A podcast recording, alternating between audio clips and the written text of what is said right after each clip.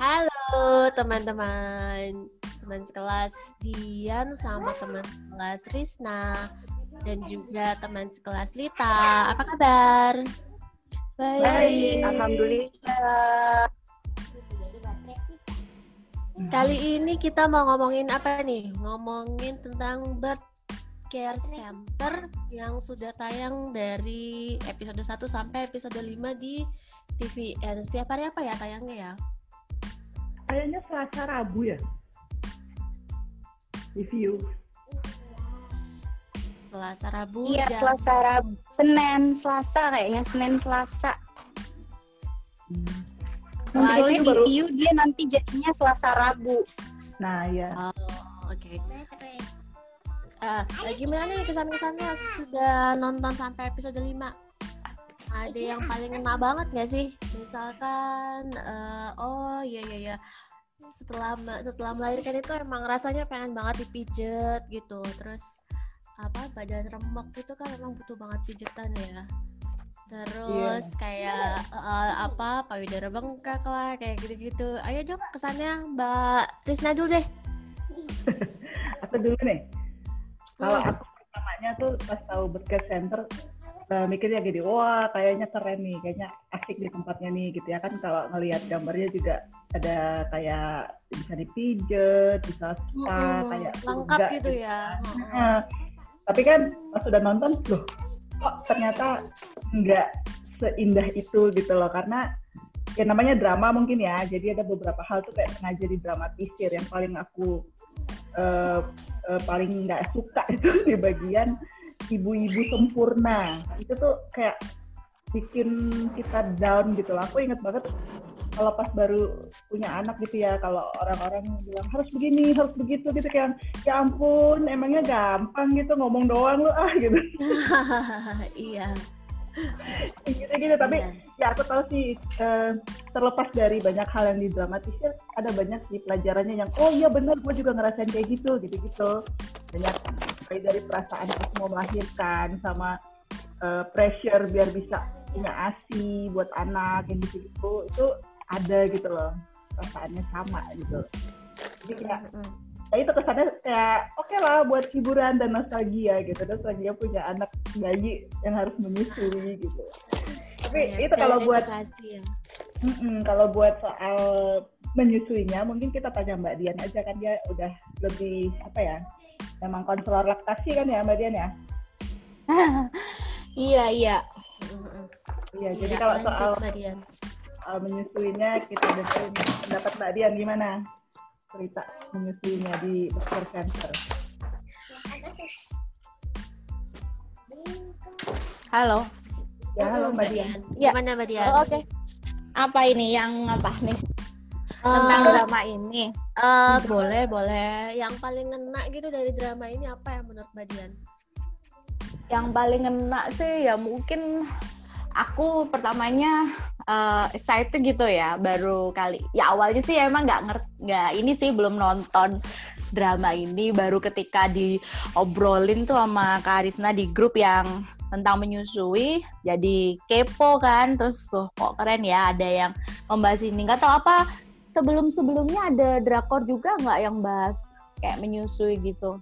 Nggak ada kayak atau belum atau ada ya? Nah, kebetulan belum tahu nih. Nggak pernah tahu. Aku lihat sih. kayaknya Ah. baru yang baru yang ini doang deh. Kayaknya Ah. baru memang ber, ber, birth care center ini deh. Iya, mungkin yang Yang sebelumnya fokus ke paling tentang- menyusui baru ini ya. tentang ibu Hmm. dan keluarga gitu kayak ibu baru dan keluarga tapi nggak nggak Mm-mm. spesifik tentang Mm-mm. eh, dari mulai melahirkan sama menyusui gitu. Iya. mm.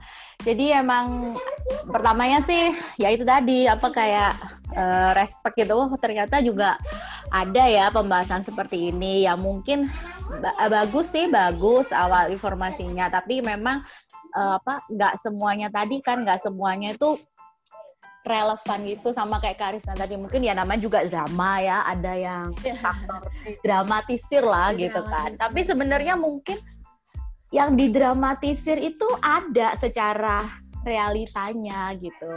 Ya misalnya kayak tadi kan Kak Risna bilang pas ada apa ketika baru lahiran tuh orang kayak ngasih tahu ini itu ini itu ini itu gitu kan jadi kayak di semuanya seolah-olah dikasih informasi gitu Ih, kan itu ya. aku ngalamin banget loh Mbak Dike itu aku Iya. ngalamin banget Oh, Mbak oh. Di. Jadi waktu pas baru lahiran tuh kayaknya semua unek-unek i- ibu-ibu zaman dulu tuh kita harus terima ya beneran.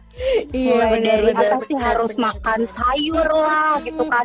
Nggak boleh minum ini itulah. Tapi sebenarnya aku tuh mau nanya deh Mbak Dian ah, sebagai ah. dirimu apa konselor ASI ya gitu. Eh, bener nggak sih misalkan emang emang harus makan kan kalau di di drakor itu apa yang dia bayangin sampai makan rumput itu kalau di gitu drakor kan, tuh sup, sambil sup dibayangin rumput laut kopi ya gitu. sup rumput laut sup rumput laut Nah, iya Nah, kalau kita kan tuh ya kalau di kita daun itu seberapa ya? daun katuk ya Daun ah, hijau-hijauan. atau misal pokoknya kita makan sayur-sayuran lah atau nggak boleh goreng-gorengan lah atau gimana gitu. Aku tuh pengen tahu sih fakta-fakta mitosnya gitu. Soalnya gergetan gak sih ya. Karela ya kalau misalkan apa namanya ibu baru gitu kan lah kita aja waktu hamil udah dilarang-larang setuju kan makannya nggak boleh pedes loh nanti si rambut botak gitu kan terus atau enggak pokoknya ada aja yang kagak boleh gitu padahal sih intinya sebenarnya Mm-mm. bahagia tuh asli lancar tapi kan terkadang ada ya beberapa namanya omongan orang tua yang harus kita turutin nah seberapa jauh sih ya Karela ya kayak kita harus tahu deh fakta sama mitosnya dan apa Hmm. pelajaran yang kita bisa ambil dari berker Center. Ah, sip deh, Oh, iya. iya iya benar-benar jadi kan kalau kita nyusuin itu kan ada ya kita harus makan ini itu buat memperlancar ASI itu kan sebenarnya kalau istilahnya tuh disebut laktogok gitu loh ya. Jadi eh, makanan atau minuman atau jamu-jamu yang di secara khusus itu diyakini untuk mensuplai ASI Eh, sejauh ini sih belum ada penelitian yang kayak apa kayak besar, besar banget gitu loh prosentasinya kayak laktogok tadi. Kalau misalnya tadi di Korea itu apa sup sup rumput laut gitu ya kalau nggak salah. Mm. kalau di sini kan daun katuk kayak seperti itu. Nah sebenarnya sih nggak ada sesuatu yang apa ya makanan khusus yang harus dikonsumsi ibu hamil. Pastinya kalau yang dikonsumsi pasti yang harus gizi seimbang gitu kan. Nah Terus untuk memperlancar ASI gimana? Kan ASI itu kan sebenarnya cara kerjanya itu kan dipengaruhi hormon oksitosin sama prolaktin tuh. Nah, prolaktin itu didapat ketika bayi menghisap payudara ibu tadi itu ya. Itu dikeluarkannya seperti itu. Nah, nah eh, oksitosin buat apa? Oksitosin itu ya untuk yang memperlancar itu tadi. Oksitosin itu hormon bahagia gitu loh. Ya. Nah, kaitannya sama Hanya itu, makanan, gitu. ya, Nah. kalau makanan itu bikin kita nggak makanan nggak happy ya. Kalau bikin kita nggak happy terus juga bayinya nggak pernah disusuin ya nggak mungkin keluar asinya gitu. Maksudnya nggak langsung langsung terus gitu karena makan gitu ya. Enggak sih tapi itu cuman sebatas apa ya kayak mitos-mitos gitu. Atau bisa jadi ya atau mungkin ada juga yang ya udah kalau kita sugesti kan kalau kita sugesti kan kalau kita percaya kan ya kita yakin ya nggak apa-apa gitu. Ya jadi makan sih boleh apa aja ya. Kayak misalnya kopi. Kopi itu nggak apa-apa asal nggak banyak juga gitu loh. Pedes karena nggak boleh makan pedes juga kan pas hamil nanti eh pas menyusuin gitu. Nggak apa-apa ya asal nggak Hmm, karena karena nanti semua yang mencret. Heeh, yang dikonsumsi ibu menyusui itu sama kayak ibu biasa. Istilahnya yang diolah dulu kan. Nah itu baru nanti yang jadi disalurkan di asinya. Jadi nggak langsung minum asi eh makan pedes asinya pedes gitu. Enggak sih jadi ya. Emang ini dispenser ya? Heeh, Iya, iya. tapi itu tapi itu emang yang berkembang di masyarakat. Nah gimana sih kalau emang ibunya kalau ibunya percaya ibunya nggak tertekan kayak makan sayur-sayuran kayak daun katuk itu ya nggak apa-apa gitu loh. Teman-teman malah kalau sambil bercanda booster asinya emang coklat. Atau kita mungkin nyemil coklat sambil nonton drakor tuh bikin booster asi Ah, apa gitu loh oke. Iya, iya. Suka Bener-bener nih. itu. Jadi sebenarnya iya jadi apa yang bikin happy aja selama Betul. memang nggak nggak nggak berbahaya selama itu emang makanan yang nggak berbahaya buat kita gitu loh Tapi aku jadi pengen nanya tuh, kan banyak tuh yang Hah? jual eh, biskuit atau- center ini buat buat apa? Buat masyarakat kita juga di Indonesia ya tontonannya. Iya bener soal makanan aku mau nambahin kan Mm, banyak yang mm. jual eh, biskuit untuk memperlancar ASI, ah. teh buat memperlancar ASI. Iya, Jadi iya. itu kan udah jadi kayak apa ya industri Ah, ah. ibu- itu jadi kayak target marketingnya gitu ya. Nah sebenarnya kira-kira perlu nggak sih beli-beli kayak gitu kalau kita eh, mau menyusui anak gitu loh? Kan orang-orang, aku maksudku waktu dulu aku inget banget ya pas eh, mau punya anak tuh baca-baca gitu. Ya, oh ini ada banyak banget produk buat ibu baru gitu loh. Ya nggak cuman buat anaknya ya, buat menyusui aja ada banyak banget termasuk pompa, terus ya makanan, makanan ya itu yang kayak suplemen-suplemen buat ASI gitu. Nah sebenarnya apa sih yang paling perlu buat ibu baru persiapannya menyusui gitu loh? Oke. Iya, tadi ya perlu atau nggak perlu itu dari keputusan kita sendiri. Kalau emang nih misalnya kita pengen, kita suka dan ya ada duitnya ya nggak apa-apa sih kalau mau beli yang kayak yang sekarang itu ya kayak cemilan khusus busui lah, Iya, iya. susu khusus busui lah, apa semuanya gitu. Sam- mungkin memang memang secara kandungannya tuh ada zat untuk memperlancar asinya itu cuman kan risetnya tadi kan bilang nggak banyak nah itu tadi di kalau emang kita nyemil itu bikin kita happy ya nggak apa-apa tapi apakah itu sebuah kayak kewajiban gitu ya enggak gitu loh. Jadi eh, apa sih buat asi lancar? Ya tadi ibunya cukup makan makanan gizi seimbang cukup minum Mm-mm. air putihnya terus disusuin secara langsung dengan rutin. Ya udah itu aja yang dibutuhkan Intinya banyak untuk- faktor ini ya, banyak faktor yang berkorelasi dalam kelancaran menyusui ya, nggak cuma satu-satu aja gitu, nggak cuma makanan doang, nggak cuma dari eh, apa. Ijo-ijoan doang gitu kan. Kan maksudnya jadi dari mulai perasaan ibu, dari mulai makanan yang Ya. dimasukkan, dari mulai proses menyusuinya itu semua ber apa namanya eh, menyumbang faktor keberhasilan menyusui ya mbak ya. iya. Jadi makanya kan makanya kan eh, apa perlu keterlibatan semua pihak tadi kan dia kayak dimulai dari suami yang paling deket terus juga gimana tenaga tenaga kesehatan yang membantu kita ketika kita melahirkan itu juga berpengaruh terhadap kesuksesan seorang ibu buat menyusuin gitu. Jadi meskipun yang nyusuin itu ibunya, sebenarnya urusan menyusui itu nggak cuma urusannya ibu sama bayi gitu loh. Jadi betul betul. banyak dukungan gitu loh. Bandu yang dibutuhkan Iya. kan tanya terus apa sih yang dibutuhkan ibu yang bisa untuk menyusui ya pertama ya dukungan gitu, dukungan dari orang-orang yang ada di sekitarnya gitu sih. Nah, tapi aku jadi eh, mikir gini, orang mendukungnya itu kadang-kadang agak jadi pressure nggak sih? Kayak Oh, ngerti ngerti ngerti. baru Iya iya iya. malah jadi beban Pertama, terkadang tuh iya. jadi beban buat si ibu gitu pertamanya gini, Ah, "Eh, jangan lupa ASI ya gitu ya. Ella gue masih recovery lu langsung ngingetin ASI. Apa gitu kan? Nggak sih, Iya, aku iya, iya. nggak Aku ngebayangin ngebayangin buat duduk susah terus udah gitu Iya benar-benar. aja masih perih gitu kan Oh, oh ya.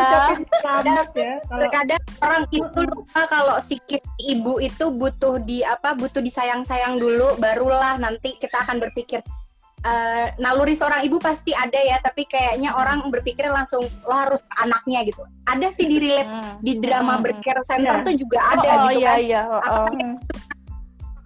Adegan siapa si orang tua yang apa dari suaminya gitu kan bilang ah anaknya lucu bla bla bla bla Iya, iya. gitu kan Iya. Nggak Yang sakit istrinya ya, nggak sakit. adegan adegan iya adegan adegan dia menari-nari gitu apa eh, apa festival dimulai gitu kan Iya. padahal eh, apa namanya woi gue tuh baru recovery loh gitu kan terus disuruh harus pipis dan segala macam gitu hanya Iya. hanya ibunya yang ibunya yang perempuan bahwa mengatakan ya. semua proses melahirkan Ah, ah. itu berat gitu karena Iya. sebenarnya kan memang yang paling penting pertama didukung itu eh, dari psikologi si ibu ya Mbak Dian atau Hmm. teman-teman ya Iya. berarti ah. bukan berarti si perempuan ini nggak peduli sama anaknya kan tapi kan kita juga butuh masa kita berjuang loh hidup mati bu gitu kan terus Oh, iya. nah, itu kan di, di drama itu juga dibilang kan kalau dia sempat berada di perbatasan dan ketemu malaikat pencabut nyawa itu iya bener. Lu itu Seperti lebay openingnya tapi gitu banget ya. Iya. Iya, kayak gitu. Jadi makanya tuh sekarang itu kalau aku tuh akhir-akhir itu kalau ada temen baru lahiran itu aku banyakin ini sih aku nggak bawa kado buat bayinya tapi buat ibunya. Mm-mm. jadi ya biar ya kan kalau orang nyambangin bayi gitu ya pasti yang dibawa kan buat bayinya. Buat Nah, sekarang sih aku udah aku switch gitu. Ya kadang buat dua-duanya kadang Heeh. ini sih bayinya. Kalaupun teman deket biasanya aku nanya eh kamu pengennya lagi pengen apa? Jadi aku Hmm, buat dia gitu. Kayak Ya, kemarin temanku terakhir tuh makanan gitu ya mbak ya. Minimal ya dia pengennya kayak apa ini aku tuh suka banget ini lagi pengen apa cookies almond atau Ah, almond almond gitu. iya, ya udah di dibawain aja jadi buat ibunya gitu. Karena kan kalau buat kayaknya kok nggak ada yang menyemangati ibunya gitu kan ya jadi. Iya ya. Dulu waktu lahiran kedua itu pernah dikasih kado korset sama bra menyusui itu sebenarnya gimana ya? Nggak lazim tapi kok bahagia gitu dapat nah karena kan ada ada yang karena emang tradisi Terus selama ini tuh kalau ada kan bayi ya? tuh ya bayi gitu kan ya. Oh, jadi nggak ada ah, yang kado buat ibunya gitu. Mm-mm. kalau aku sendiri sih mulainya kayak gitu Iya, dikadoin itu kok berasa ada yang merhatiin gitu ya. Seneng aja. iya Mungkin bisa bisa beli sendiri, bisa ini tapi kan ya iya ini ya beda gitu rasanya. iya beda seperti Ah. itu Jadi Mau nanya sebenarnya lagi yang terkait ini nih yang ada Ah, di apa? drama juga nih Mbak Dian. Kayak Hmm. misalkan senam dan lain-lain untuk recovery si ibu itu loh. Kan itu ada apa namanya seberapa Ada. besar sih misalkan senam-senam yang di Hmm. si di bercare center Ah, itu buat mm, mm. buat kita menyusui maupun apa namanya eh, it- apa namanya ya eh, Recovery-nya. recovery buat kita juga yang kayak pernapasan terus kan di di di mana di drakor juga ada tuh yang apa namanya Hmm. kalau kalau perut-perut masih nyeri gitu kan dia periksa ke Hmm. dokter nih si pemeran utamanya kan periksa ke dokter terus dibilang Hmm. masih recovery empat minggu lagi lah terus baru eh, dibilang gitu kan lo boleh berhubungan lagi sama suami lo enam minggu ke depan ya gitu Hmm. ya ternyata suaminya pengennya duluan gitu kan jadi dia bibir bla bla bla gitu kan nah sebenarnya sebenarnya fakta fakta Hmm. mitosnya tuh gimana sih gitu jujur ya jujur li gitu Ah. waktu pas pertama kali habis melahirkan gue eh, apa untuk berhubungan itu gitu. Itu agak-agak hmm gitu kan. Agak takut Serasa ya dijahit-jahit terus secara orinya jadi agak Iya. jauh dua kali Iya. lipat gitu kan. Ya mungkin ibu-ibu udah pernah mengalami ya jadinya. Nah kayak gitu-gitu tuh yang terkadang eh, perlu sebenarnya ilmu-ilmu ringan yang kita nggak nggak tahu tapi sebenarnya harus dikasih tahu gitu apalagi itu kan katanya apa titik balik apa setelah melahirkan adalah titik balik kemesraan bersama suami al gitu kan Oi, cie. iya Jadi yang kalau yang senam-senam recovery itu sebenarnya ya sama kayak kita yang lagi normal aja buat namanya olahraga itu kan pasti butuh buat eh, ini ya buat kebugaran tubuh sendiri gitu. Cuman em, aku tuh yang nyorotin yang pijat payudara itu loh. Jadi sebenarnya kalau pijat laktasi itu nggak langsung payudara aja yang dipijat sebenarnya Hmm, ya, aku per- ya, aku ya?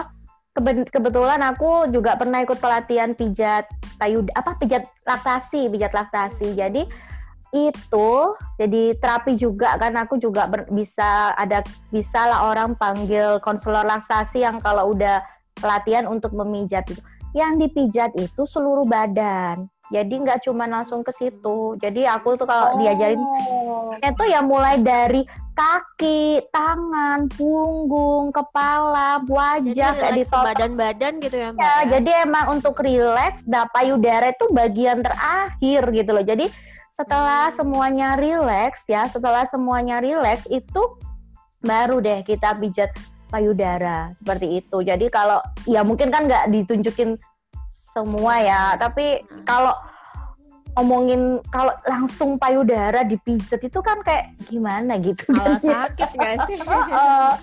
Terus kalau yang pijat payu pijat ASI juga itu sebenarnya bisa sama pasangan tapi bukan payudara juga loh yang dipijat. Jadi ini loh apa? ya. Tuh, ini loh, belakang kepala. Jadi kita Iya, posisinya iya, iya. tuh kita duduk sambil kepala kita taruh di meja gitu loh. Jadi kedua tangan di meja, kita relax. Jadi dipijat punggung belakang. Nah, itu bisa memperlancar ASI dan emang disarankan Iya. pijatnya nggak pakai baju kita. Jadi duduk di kursi gitu sama meja. Jadi dari belakang itu namanya pijat oksitosin itu. Jadi bukan untuk ASI itu nggak cuman payudaranya dipijit-pijit gitu ya. Jadi ini kali kalau kalau pijit seluruh badan kan eh, lama ya. Ah, iya kali ya. Itu berarti gimana durasi ya? Kalau berkesan memang ada spa-nya ya. Jadi memang itulah mungkin pijat keseluruhannya gitu ya. Tapi memang aku Mm-mm. ingat kalau waktu di rumah sakit ya, waktu kan misalnya buat eh, apa namanya mera, eh, menstimulasi supaya Iya. eh, lancar Betul, gitu ya. Yang yang itu langsung ke memang ke bagian payudara gitu. Tapi bahkan diajarkan, tapi itu sebenarnya di- dilakukan sendiri aja gitu loh. Waktu misalnya kita mandi pakai air hangat gitu disuruh Hmm. hangat gitu loh. Itu itu sih mungkin kayak shortcut kalau eh, apa sih daripada enggak gitu kali ya. Iya, iya. Iya, iya, iya. Kalau badan kan pengen Iya. Heeh. Itu kayak eh, ya pasti relax pasti aku kebayangin dipijit aja sekarang aduh kayaknya relax banget deh Aduh, iya. langsung bahagia gitu Apalagi habis lahiran ya. Wow, that's what I need. Heeh, terus ini nyambung yang tadi ya, apa berhubungannya nunggu 6 minggu gitu ya. Hmm. Ya sebenarnya sih paling enggak itu ini setelah nifas selesai ya, setelah Iya, ya kan- yang darah itu selesai. Itu kan kayaknya Hmm. 40 hari ya, 40 harian Iya, ya. 40 hari itu ya. bulan, Enam minggu juga ya kurang lebih enam Iya, minggu. sama sih. lah. Heeh. Iya, bukan Kurang karena ininya sih coba dia karena kan ada nifas gitu ya, masa juga. Mm-mm. Jadi sebenarnya wajar ya 6 minggu itu ya nggak maksudnya nggak lama-lama banget kalau cuma kalau Iya, cuma dibayangin sih Kak. kalau cuma dibayangin kan ya ampun abis Indomie berapa dus gitu kan Oh, ini ya agak kan- ini ya kita yang habis lahiran kalau disuruh ngomongin itu langsung mm, aduh gitu iya ya. iya iya ada- Kayaknya ada jahitan juga. ini belum belum kering gitu. belum kering, Iya. belum kering. Aduh, aduh. Jadi ya, Iya, gitu. sebenarnya wajar dari eh, pertama Hmm. pun dari otot-otot eh, Panggo dan Miss V mungkin ya eh, biar Iya. dia pulih dulu gitu. Terus juga ya biar ibu sama bayi juga bonding dulu ya kan. Dan juga ayahnya juga ikut bonding sama eh, sama bayi baru gitu. Jadi nggak usah buru-buru. Ntar jadi lagi. Buru jadi Bayi baru lagi. bisa lah belum bisa iya, iya, iya. masih nifas Next gitu time loh lah ya, next time. aduh terus eh ah jadi udah kita udah ngebahas bagian mitos dan fakta soal makanan makanan itu enggak enggak Mhm. yang khusus khusus yang penting bahagia artinya misalnya gue pengen pizza gitu boleh dong Iya. makan pizza Ah. ya kan Boleh, boleh. Ah. Eh, Boleh banget. minum kopi boleh ya tapi tadi Boleh, tapi yang nggak 10 gelas per hari. Nah, jadi berapa tuh? Iyalah. ada batasan nggak kira-kira berapa gelas Iya, kayaknya satu atau dua ya. Jadi nggak Heeh. ya nggak terlalu banyak sama kayak kita memperlakukan ke diri kita sebenarnya ya. Jadi sama kayak Nah, kalau minum- ya. Heeh, kalau kita minum kopi banyak-banyak ke kesehatan kita gimana ya? Gitu. Jadi ibu menyusui itu nggak langsung tadi tuh. Jadi seperti yang di drama ya, nggak semuanya itu langsung untuk kepentingan bayi itu enggak. Jadi maksudnya ke diri kamu sendiri. Kalau kamu makan pedas, kamu sakit perut ya jangan gitu loh ke kamunya gitu loh. Nanti itu nanti gitu kan diolah lagi Iya. gitu. Jadi nggak langsung oh, makan pedas anakmu yang langsung sakit perut ya enggak toh pastinya kita sendiri dulu dong yang ngerasain sakit kalau makan berlebihan gitu kan. Oke. Terus kalau itu yang harus pakai kaos kaki, pakai topi, pakai apa yang buat badan hangat itu loh.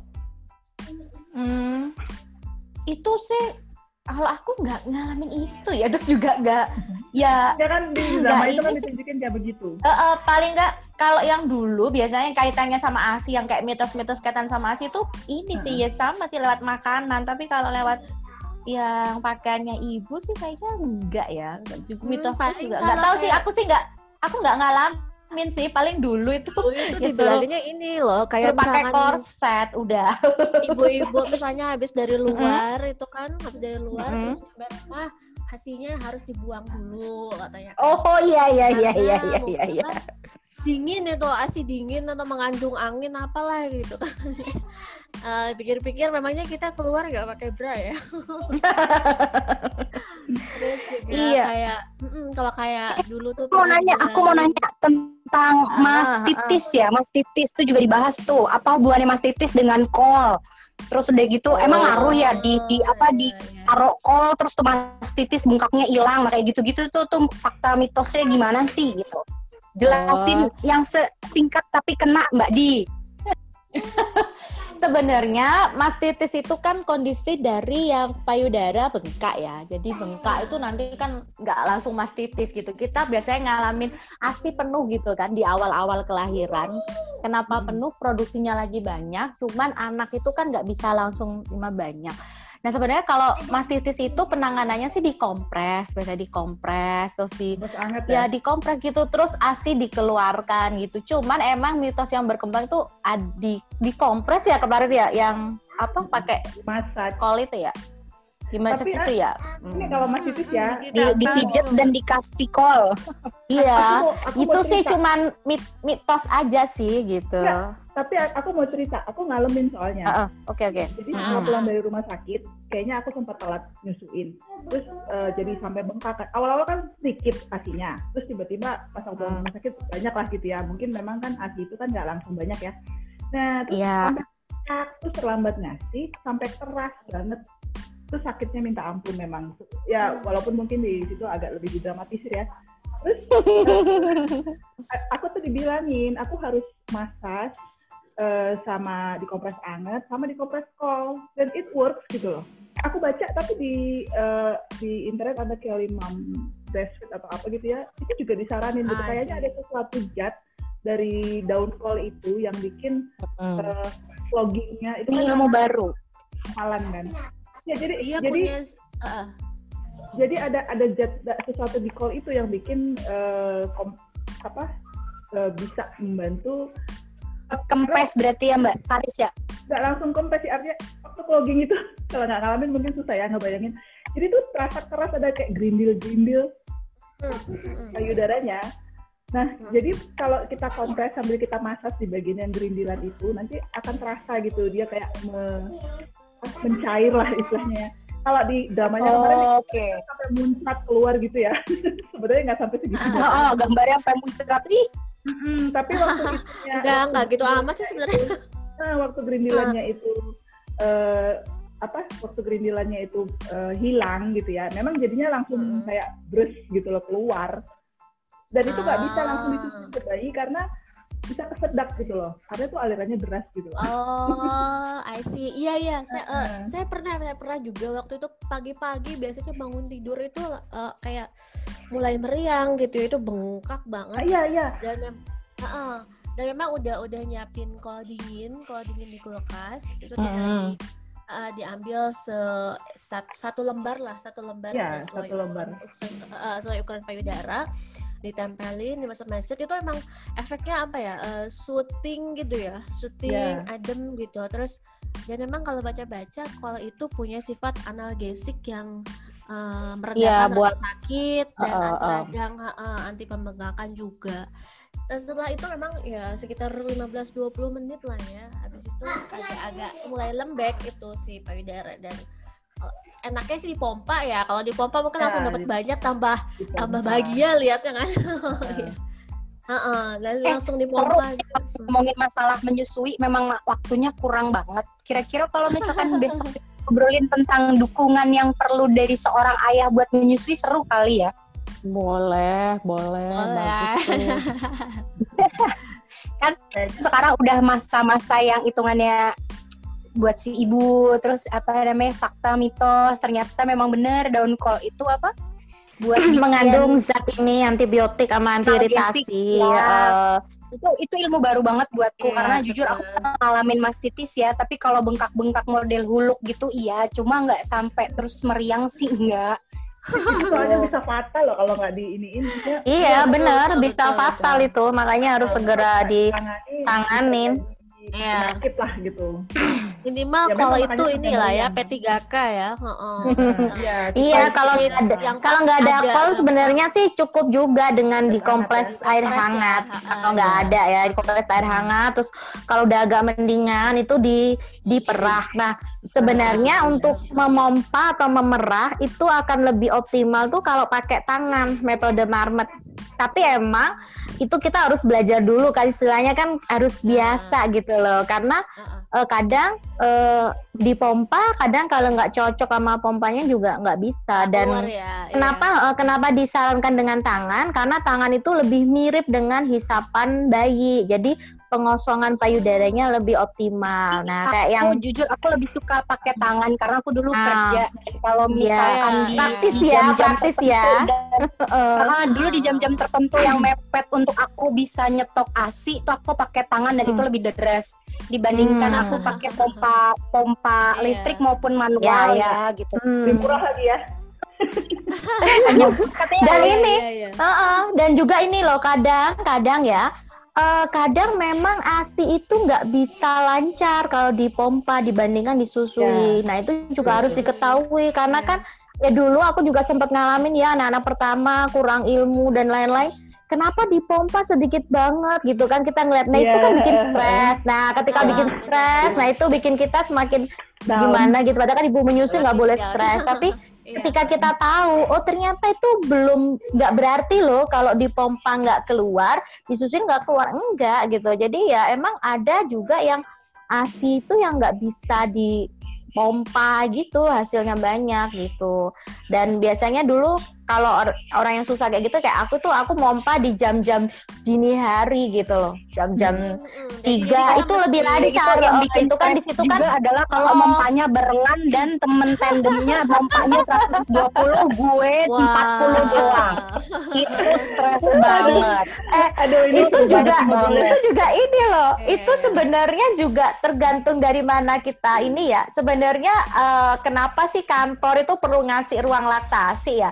Sebenarnya itu kalau misalnya nih banyak pegawainya sama-sama menyusuin itu di situ bareng-bareng harapannya itu secara teorinya tuh bisa saling support gitu loh. Tapi kan ada yang nama pikiran kita ya. Kita Eh, eh, stres pikiran stres dia Oh, oh. 120 Itu tergantung- gue 40 Tergantung orangnya berarti itu kan ya. tergantung orangnya gitu. Tapi emang namanya nyusuin tuh gitu. Jadi kayak itu kan ya kayak jadi ibu tuh kayak kayak jadi ajang kompetisi yang tanpa henti gitu. Ya jadi kita ngelihat kok padahal enggak padahal itu tadi kondisi asi tiap orang tuh beda. Ada orang yang emang dia itu kalau dipompa dia banyak. Ada juga yang emang dia nggak bisa dipompa gitu. Jadi ya tergantung ininya sih. Tapi ya balik lagi lah ya. Pokoknya tuh pas kita nyusun tuh pikiran kita tuh emang harus selalu positif gitu. Dan gimana jadi positif juga tergantung dengan dukungan yang ada di sekitar kita gitu sih. Oke. Ah, Kayaknya seru banget ini ya. nih. Iya, ngomong-ngomong di Indonesia ada bird care ya nih kita kita ini aja ya kita doain aja ya mudah-mudahan ada bird care Iya. Indonesia. Berminat ya Bu buat jadi pasien bercare lagi. Oh enggak enggak enggak enggak enggak gitu sih. Oke, eh, kok Cingil. mau massage-nya doang di beker boleh boleh. enggak ya? Boleh, boleh, boleh. berikutnya ya soal ayah Asi ya. Oke, Cingil Oke. deh. Oke, Ayah Asi, baik. episode selanjutnya. Bye bye. Oke. Annyeong. Annyeong. Annyeong.